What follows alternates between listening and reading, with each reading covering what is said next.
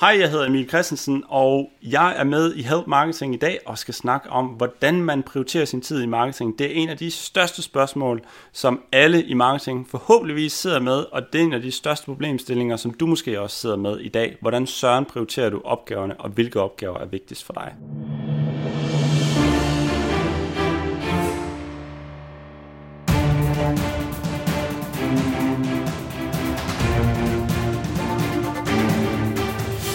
Det her er Help Marketing Podcast, lavet for dig, der arbejder med digital marketing, salg og ledelse, og som gerne vil opnå succes ved at hjælpe andre. Jeg hedder Xings, og Help Marketing producerer som min virksomhed, der hedder Nochmal. 184, det er nummeret for afsnittet i dag, og det er Emil Christensen, som er på besøg. Og jeg er nødt til at indrømme en lille dumhed fra min side. Øh, jeg ved ikke, om du kan høre det, men øh, lyden er ikke helt så god, som, øh, som den plejer at være. Jeg tog nemlig på, på ferie her i påsken sydpå, og jeg troede, jeg kom hjem mandag, inden øh, det her afsnit udkommer. Og jeg bare optage mandag eller tirsdag, øh, speaking i hvert fald, øh, så Thomas øh, kan redigere de her ting. Men øh, jeg tog så af den grund jo ikke nogen mikrofon med, fordi jeg havde jo hele tirsdag. Men så viser det sig faktisk, at jeg først kommer hjem tirsdag aften meget sent, og så kan jeg jo ikke nå at optage noget. Så nu er jeg nødt til at optage den her intro, det du hører lige nu, plus outroen øh, på mobilens mikrofon, og det er bare ikke helt så godt, som øh, den mikrofon, jeg plejer at bruge. Sådan går det jo af og til, øh, og øh, ja, sådan, øh, det må vi jo ligesom leve med.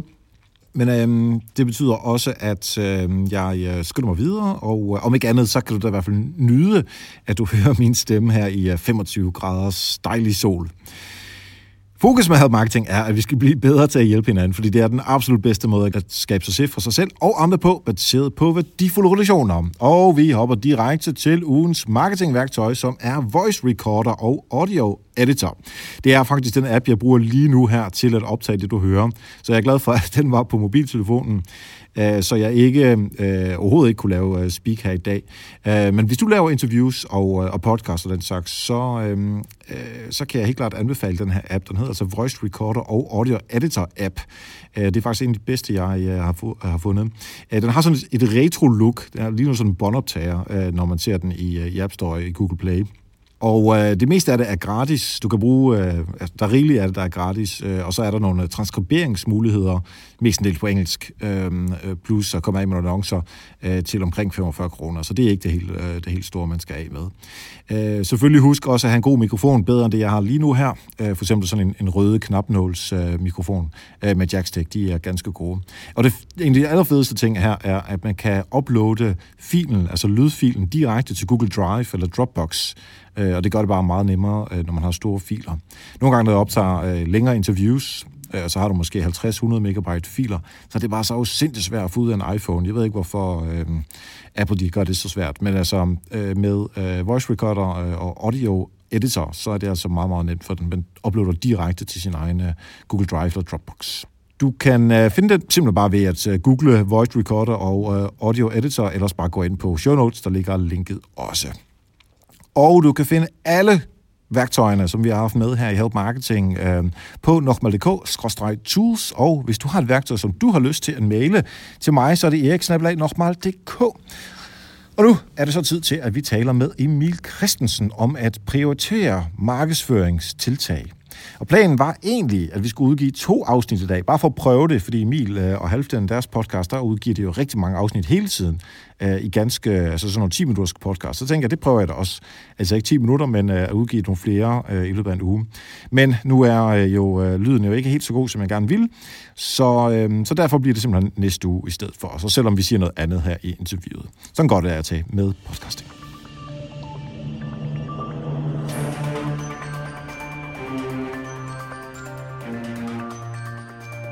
Yes, så sidder jeg her sammen med Emil Christensen, som er CMO og co-founder hos Sleeknotes. Velkommen til dig, Emil. Mange tak, mange tak. Tak fordi jeg måtte være her. og det er en fornøjelse, at øh, du øh, ja, vil være med. Jeg kan huske, at vi, øh, jeg tror det var på øh, en ePotter Marketing Camp, eller en af de der, hvor du øh, foreslog, skal jeg ikke med, med i Help Marketing på et tidspunkt? Så sagde jo, du skal, og så glemmer jeg alt om det. Og så kom dig og Halvdan i gang med øh, Marketing Brief, jeres podcast, som jo kører skide godt, som jeg i hvert fald kan fornemme det også. Øhm, og så, ja, så kunne jeg jo ikke komme til så hurtigt. Så nu er jeg virkelig glad for, at, øh, at det kunne lade sig gøre, at du kunne være med her i Help Marketing. Det er altid noget, man skal lave sin egen podcast for at blive inviteret med. Lige præcis. Så kan lytterne, så ved de, hvordan man kommer med i podcasten her. Bare lav din egen. Uh, nej, jeg, jeg synes uh, oprigtigt, at, at det er super fedt, det I laver i Sleek Note, uh, og det I laver med uh, Marketing Brief. Det er super fedt, det I laver. Øh, så derfor er jeg glad for at øh, kunne få mulighed for at snakke med dig. Og vi havde jo snakket lidt om, at det kunne være fedt at snakke om noget nyhedsbrev og ting og sådan noget. Men, men det har vi haft så meget af, og det snakker du om ret meget i, i Sliknotes sammenhæng. Så øhm, vi kommer lidt ind bagved, hvordan I arbejder med markedsføring og prioritering af det. Og det synes jeg er meget, meget, meget spændende. Men jeg synes faktisk lige, du skal have lov til at øh, tale lidt om, hvad du er, øh, hvad det er, du laver i Sleeknote. Ja, jamen øh, ganske kort, uden at det her det skal blive øh, fem minutter om, hvad jeg laver til daglig. Jamen, jeg er til daglig CMO co-founder, som jeg også nævnt. Og hvad det indebærer i dag, jamen det er helt forskelligt fra, hvad det var for to-tre år siden. To-tre år siden, der havde vi ingen i vores marketingteam til i dag at være otte i marketingteamet.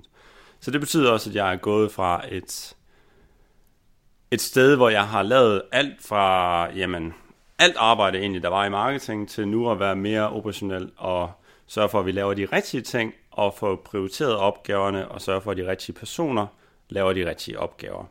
Så det er en kort forklaring af, hvad jeg sidder med i dag, og hvad jeg ligesom har gået igennem over de sidste 3-4 år. Det er super spændende. Det der med at først starte med at eksekvere på det, og nu skal du så få andre til at eksekvere på det, og øh, på baggrund af deres anbefalinger øh, prioritere og sådan nogle ting.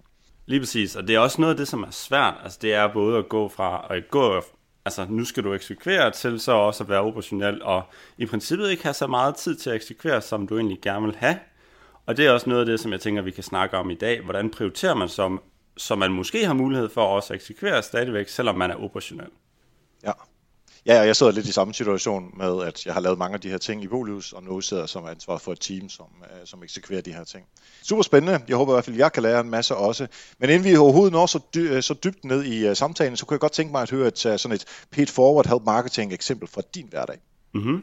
Altså, jeg synes, der er mange eksempler, og det er det fede ved at være i startup-verdenen især. Der synes jeg, at vi har et rigtig godt dansk øh, økosystem, hvor en af dem især bliver nok nødt til at nævne Peter Mühlmann fra Trustpilot af, som jamen, helt tilbage fra to-tre år siden har vi snakket med ham af flere gange.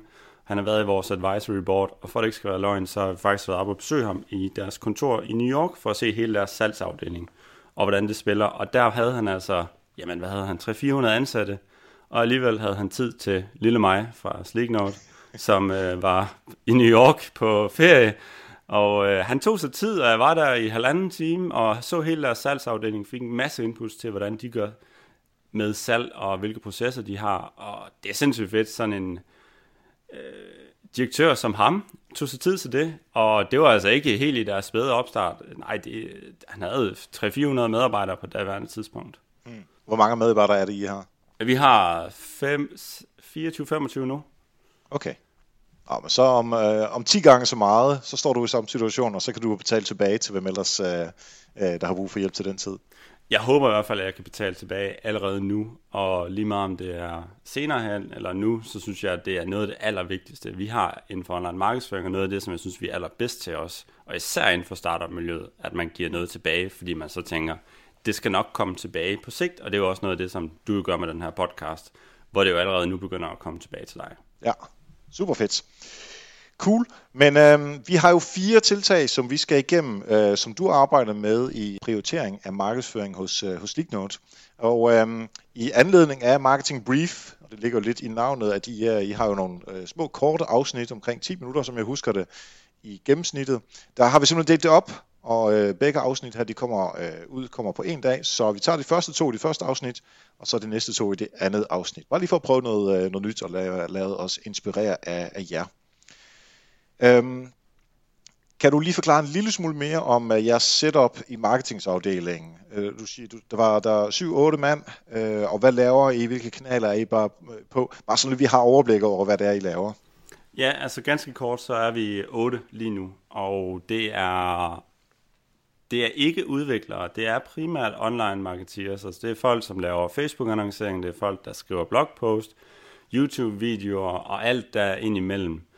Og det er nogenlunde, hvad vi er i dag, og det, er sige, altså, det har egentlig været strategien fra starten af, at jeg vil gerne have nogen, som er vanvittigt dygtige til nogle forskellige ting. Jeg vil ikke have specialister, men jeg vil heller ikke have generalister. Jeg vil have det, man kalder T-shape marketeers, som er rigtig dygtige til en, to, tre ting, men også kan finde ud af den store brede vifte af alle tingene. Så det er nogenlunde vores setup i dag. Og jeres mål er selvfølgelig at få solgt nogle, øh, nogle abonnementer, hvis det er det, I kalder det. Men kan du forklare sådan en lille smule om øh, nogle af de kunderejser, der er? Ja, og det er jo lidt abstrakt produkt, fordi vi sælger et subscription produkt, som er dem her små slide-in og pop-ups, som du nok kender rundt omkring fra diverse websites af. Og vores primære målgruppe er e-commerce managers i mellemstore og store virksomheder, og der er altså en længere kunderejse, hvor de skal ind og undersøge de her produkter og undersøge load time og alle mulige andre ting. Så vi ser typisk, at det tager et par måneder, før man beslutter sig for at prøve vores produkt. Efter man så prøver vores produkt, så går der også en rumtid, før vi kan se, at de kommer til at blive en subscription-kunde. Altså en kunde, der betaler hver måned eller hver år. Så det er lidt, jeg vil ikke sige, at det er et kompliceret produkt, men det er i hvert fald et produkt, som kræver, at vi har en frygtelig masse content om e-commerce, og det er egentlig den måde, vi typisk skaber kunder ind til os på. Ja, så tiltræk dem med alt det, som der interesserer kunderne, og så stille og roligt modne dem igennem øh, fasen til, til testperioden, og så skal de så forhåbentlig øh, købe. Øh, når de køber, er det så øh, Dankort, og det går direkte, eller skal de ind og tale med en sælger hos jer? De kan faktisk købe direkte i systemet, så det er bare ind og købe, og så køber man, ligesom man køber Jamen det ved jeg faktisk ikke engang. Kan du købe UC abonnement online? Det ved jeg ikke. Men ved os, der kan du i hvert fald bare indtaste et øh, firmakreditkort, og ja. så er du kørende, og så har du den her subscription, hvor vi trækker noget, en månedlig fee, eller et årlig fee, afhængig af, hvad du vælger. Altså ligesom Netflix? Fuldstændig ligesom Netflix. Ja. Okay, så er vi nogenlunde med på, øh, hvordan øh, det fungerer hos jer. Og så øh, lad os gå til, øh, for det var egentlig dine forslag, de her fire ting, som vi, øh, som vi skal snakke om. Øh, og den første, som, som du forestår, det handler om at øh, prioritere sin marketingstiltag. Mm-hmm. Jeg tror, det er det spørgsmål, jeg har fået allermest af folk, som arbejder inden for det her fag. Det er, vi har ufattelig mange opgaver, vi har så mange ting, vi gerne vil. Der er så mange buzzwords derude, der er så mange online marketing podcasts derude, som anbefaler det ene og det andet og det tredje, og der kommer hele tiden nye kanaler. Og hvordan søren får vi nogensinde prioriteret alle de her ting? Og ja, jeg har lige startet introen med at sige, at vi er 8 i marketing, så de tænker nok, så du tænker nok, dig der lytter med nu, jamen det kan I da bare, det kan I snilt gøre.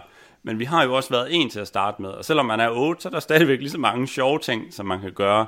Så det her afsnit, det er i hvert fald fuldstændig lige, lige meget, om du arbejder halvtid på marketing, eller om du sidder 45 i marketing. Og noget af det, vi har set, det er, hvis man skal i gang med at prioritere sine marketingsopgaver, jamen så vil jeg anbefale, at man kigger på et system, som hedder Airtable. Så allerede der har du noget til dine show notes og link til. Airtable, det er et system, som minder meget om spreadsheets. Øh, det er en lidt mere opdateret version af Google Spreadsheet eller Excel, hvor du har mulighed for eksempelvis at lave et ratingsystem, som vi har lavet. Og det er egentlig det, som jeg tænker, vi godt kan snakke lidt mere om nu. Og det er måden, vi vurderer, hvad er det for nogle opgaver. For det første så indtaster vi alle opgaverne ind i det her ratingsystem hver eneste gang, vi får en ny idé eller en opgave, der skal laves, så kommer de ind i et ratingsystem, og så bliver de rated på tværs af alle opgaverne, så vi ikke lige pludselig kommer til at prioritere de opgaver, som er i kategorien haster, men ikke vigtig.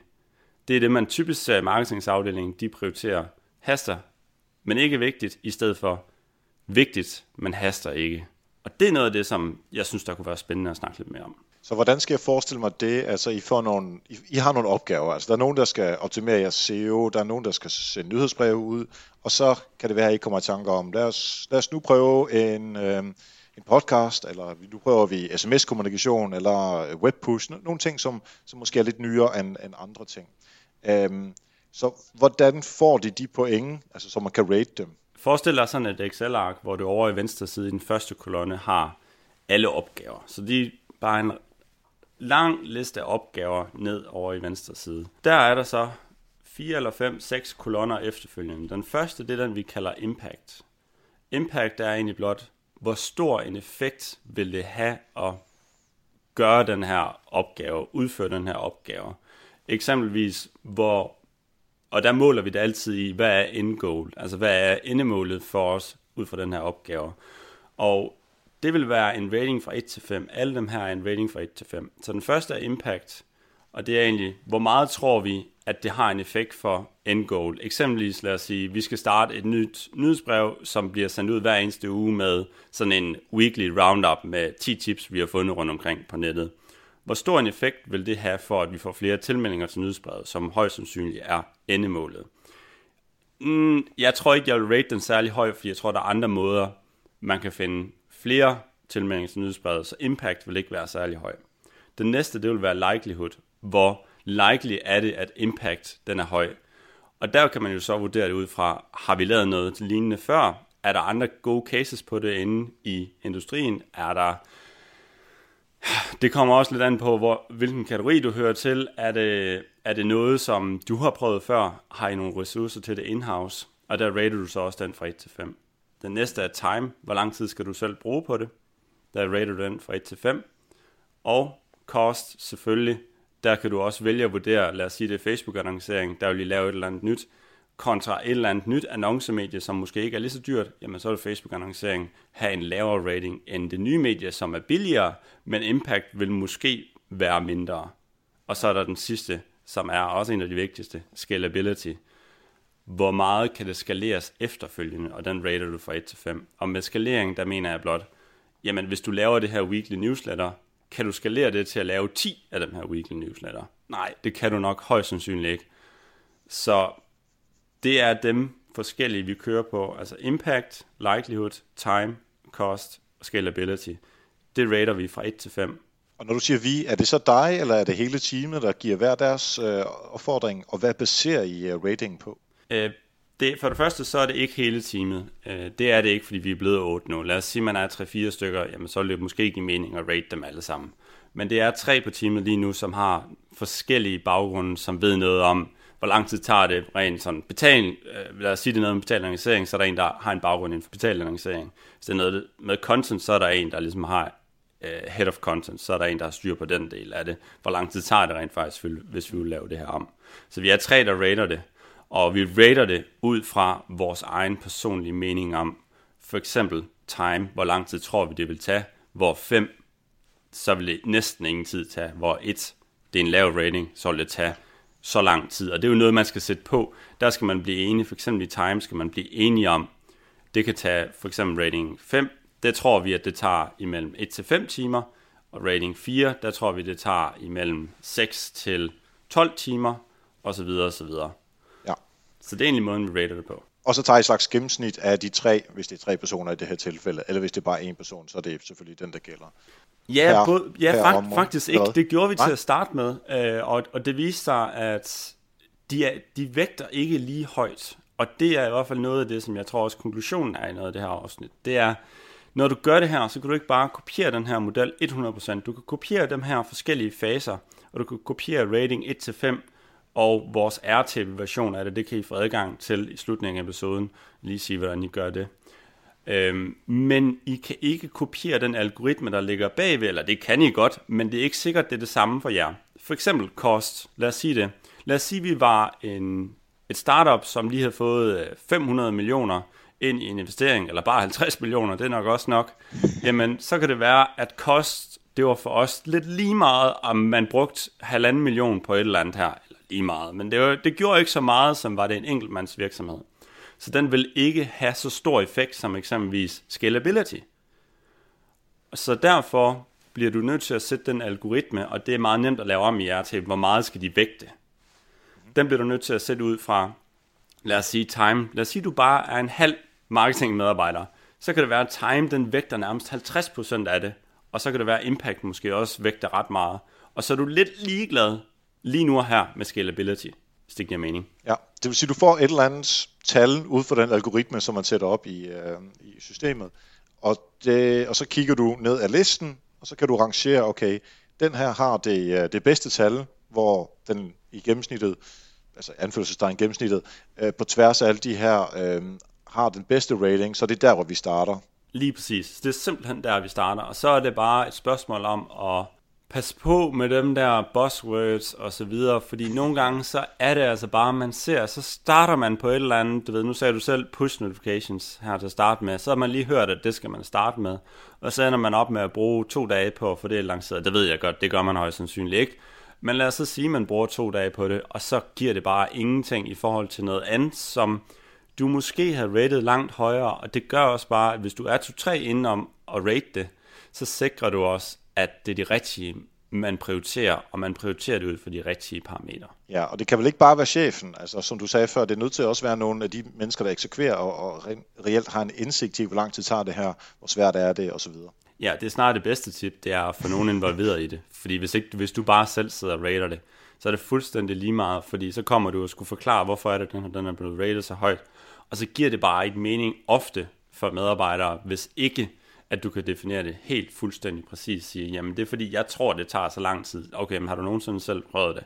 Så du skal have nogen med involveret i det. Jeg vil sige, sæt et max på 3-4 stykker, der skal rate det her. Ja. Nu lyder det meget som om, at det er nye ting. Kan du også, lægger du også drift ind i det her, eller er det, øh, det er noget, som vi skal bare drifte de her forskellige ting, så det, det tager vi ikke med?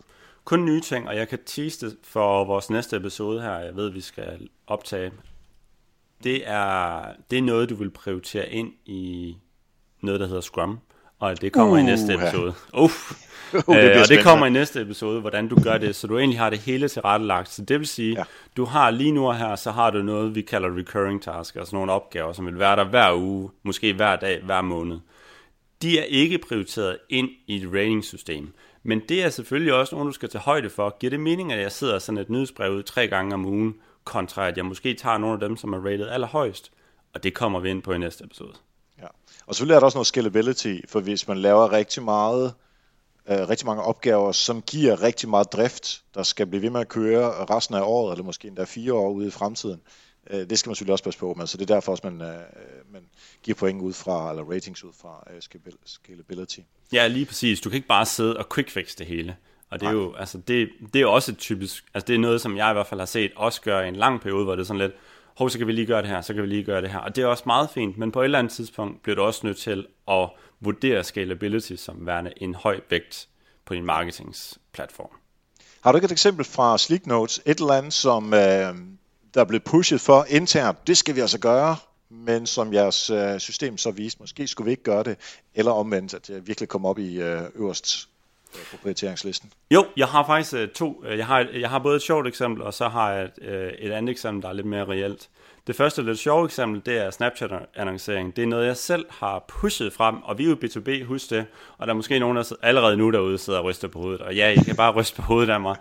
Men jeg tænker, åh, Snapchat-annoncering, det er det nye, og jeg har hørt, det er billigt, og der vi så også rate det her, så rater jeg impact, fordi jo, hold nu op, der er bare høj impact på det her, fordi jeg tror, der er rigtig mange, der bruger Snapchat. Likelihood, ja, selvfølgelig, vi kan godt finde ud af at betale lancering, det gør vi på 4-5 andre platforme.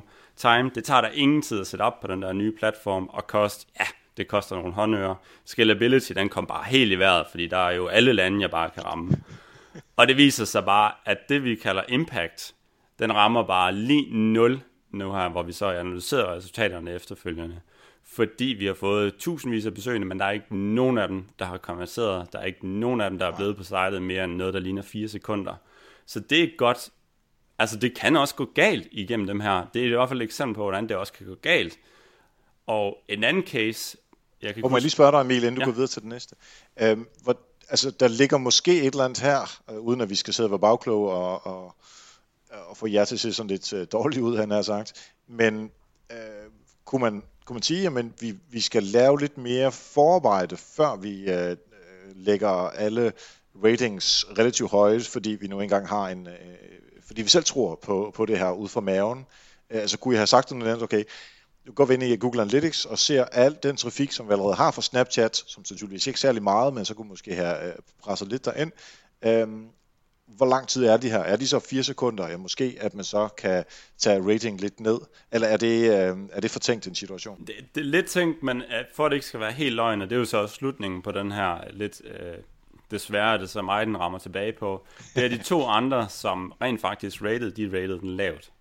Og jeg ja, okay. fik argumenteret mig igennem til et Scrum-møde, som vi kommer til i næste episode, om at det skulle vi have igennem det her, fordi det kan ikke passe, altså det er nu, vi skal på den bølge og det skal vi ikke på alt for sent. Så den fik jeg skubbet ind forbi vores ratingsystem. Jeg trak chefkortet, og det fortryder jeg så meget i dag. Altså det er, det, det, det går virkelig ondt, fordi nu har jeg et par måneder, hvor jeg overhovedet ikke kan trække det kort til det møde. Overhovedet ikke.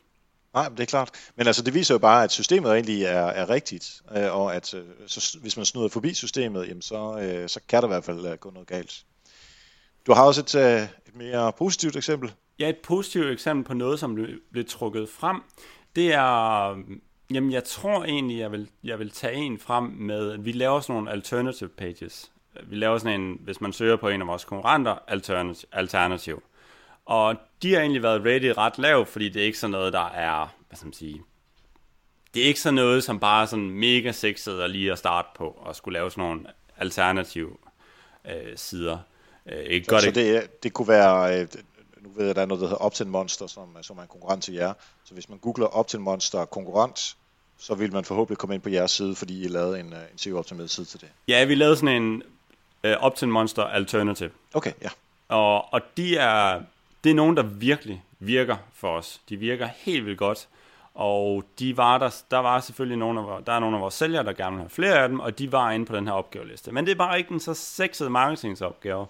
Men da vi så fik den rated alle sammen, så er det jo klart, så nu sagde du så selv, at vi kunne godt være bagkloge, og det var vi så heldigvis i det her tilfælde, og var bagkloge, og da den så var derinde, at vi skal ind og rate den, jamen så gik vi også ind i Google Analytics og kunne se tallene, og kunne se impact, jamen den er høj, fordi vi får nogen, der er helt købsmindet, nogen, der kender en konkurrent, likelihood for, at det går rigtigt, altså for, at vi får nogle flere kommenteringer, jamen den er høj, time, der, det tager næsten ingen tid, kost, det koster os ingenting, scalability, vi har en frygtelig masse konkurrenter, så hvorfor ikke gøre det her?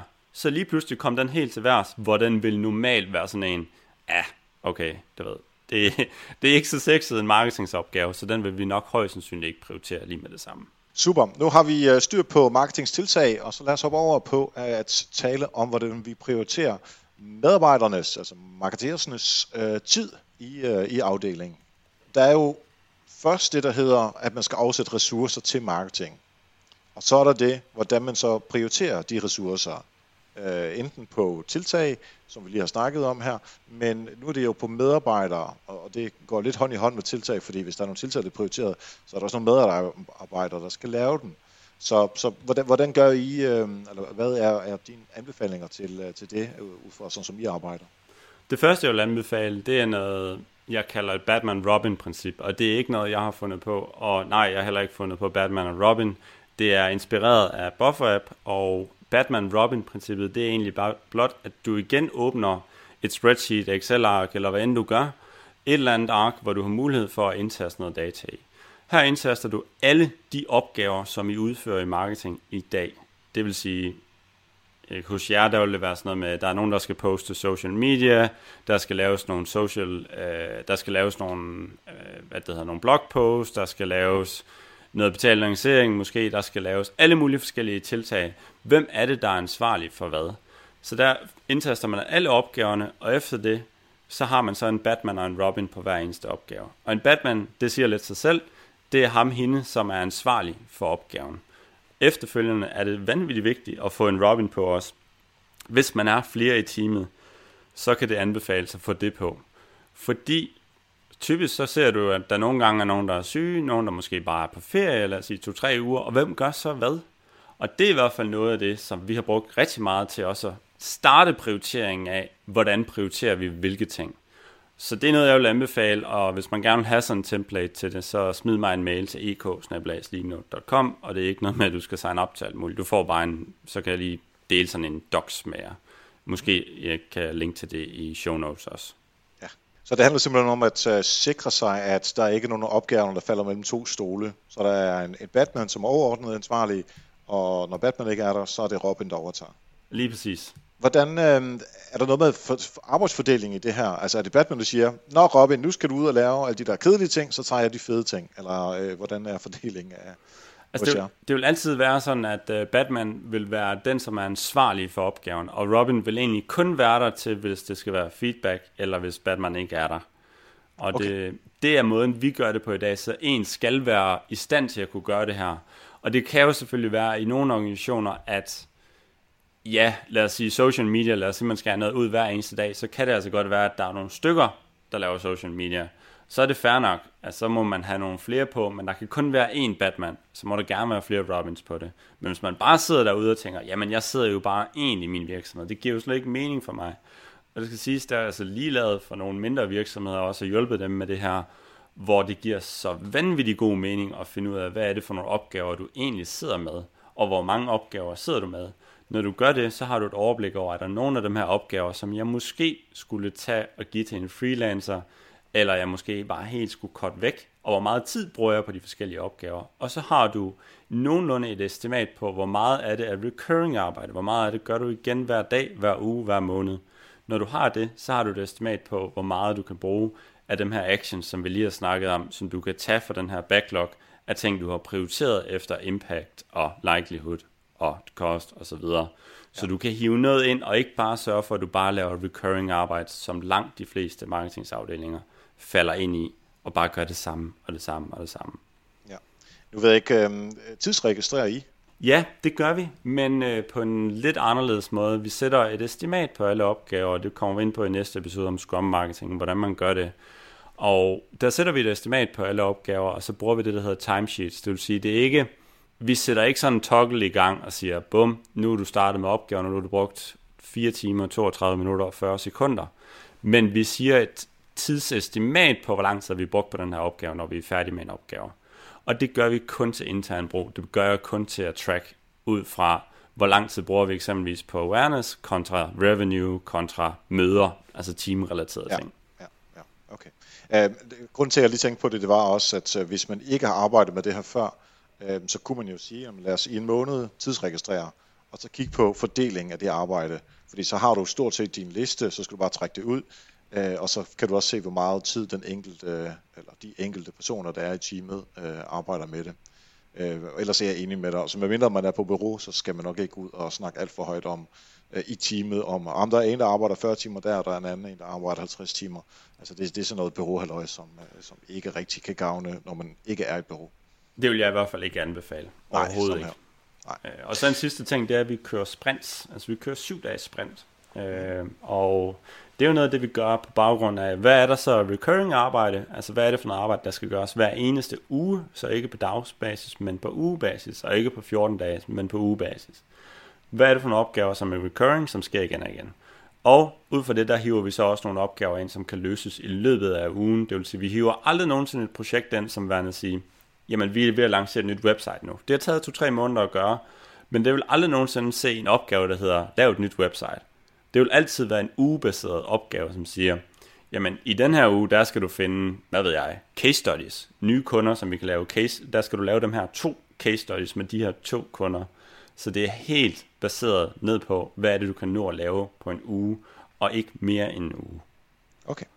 Ja, øh, vi arbejder også med sprints i øh, Bolivs, i hvert fald i vores digitale afdeling. Øh, det er så to uger, som de siger, men det er jo alt efter, hvad man, hvad man synes. Og det er også lige præcis det, når, når nogle gange så får man lavet nogle kort, som indeholder sådan nærmest øh, halvanden måneds arbejde, fordi de bare bliver større og større, og der er ikke nogen til at stoppe det. Øh, og, og så kan man sige, okay, nu stopper vi altså. Vi, øh, vi må øh, bryde det her kort op i fem nye opgaver, eller ikke nye, men fem opgaver, som hører til, øh, og så kan det være et moderkort, som bare ligger og venter på, at alle underkortene bliver færdige først. Så det er jeg helt enig med. Altså få det til at være overskueligt, så er det også meget federe at, øh, at blive færdig og få lidt dopamin ud af, at, at man kan lægge den over i, i lukket.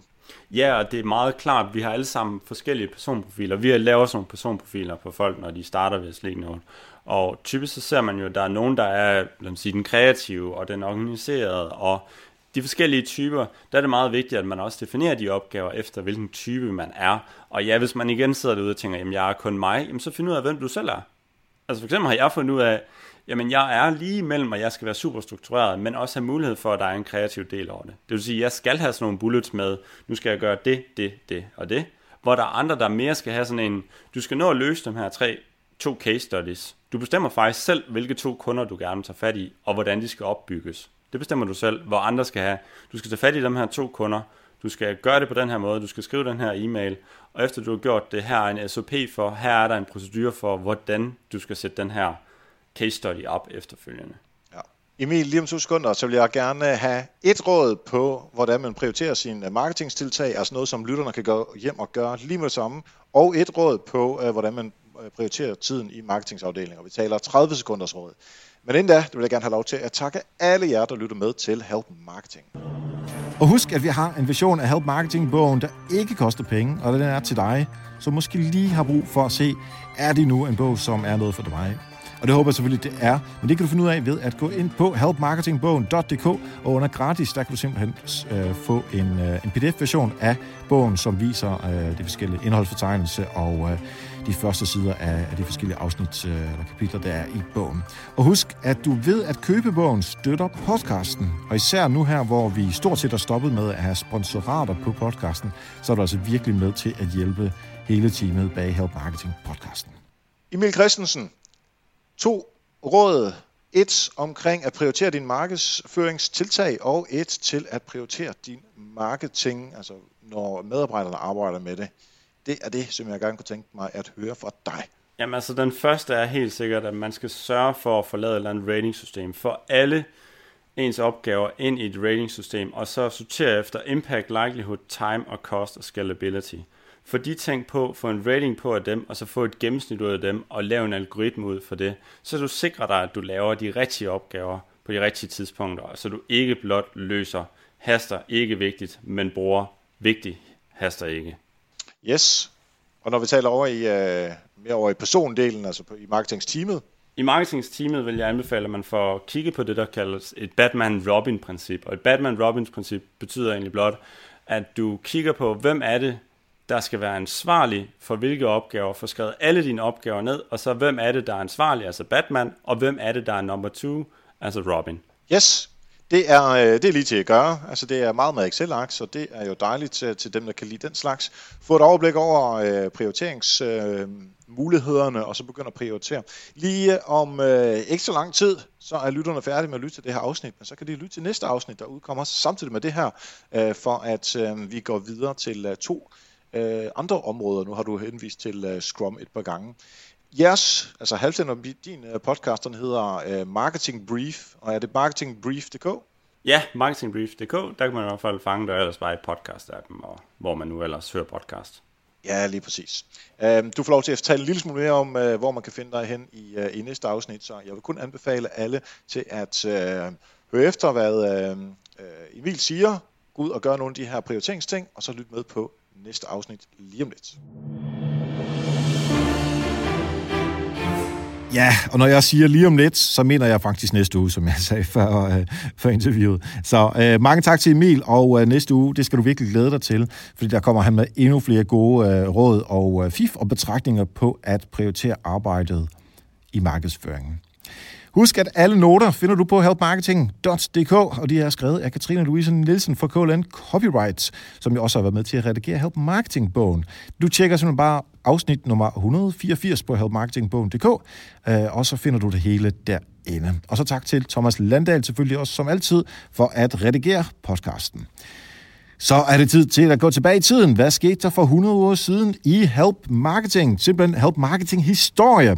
Jamen, dengang der havde jeg besøg af Mette Willert og David Lohmann og de øh, var hos DSB dengang. Det er David stadigvæk med det, er faktisk lige gået selvstændigt, som jeg husker det.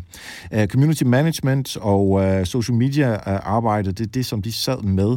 Og øh, Mette sad med øh, øh, ja, de forskellige, øh, DSB's forskellige øh, øh, platforme generelt. Og vi snakkede om arbejdsfordelinger i DSB, altså i forhold til de her ting. Samarbejde på, på tværs af øh, organisationen. Øh, kritik på sociale medier, som det DSB får af til, hvordan de håndterer det. Og så noget omkring, øh, hvordan man øh, får ja, indsigt i kollegers viden og ressourcer øh, til content production. Vi optog det på... Øh, i San Diego, fordi vi øh, alle tre var til en konference derovre. Så jeg husker det som øh, super hyggeligt. Også dejligt varmt, ligesom her øh, øh, sydpå, hvor jeg er lige nu her. Øh, så det kan jeg helt klart anbefale, hvis det interesserer dig. Du går bare ind på din app, eller ind på helpmarketing.dk, og så finder du afsnit nummer 84 for at lytte med.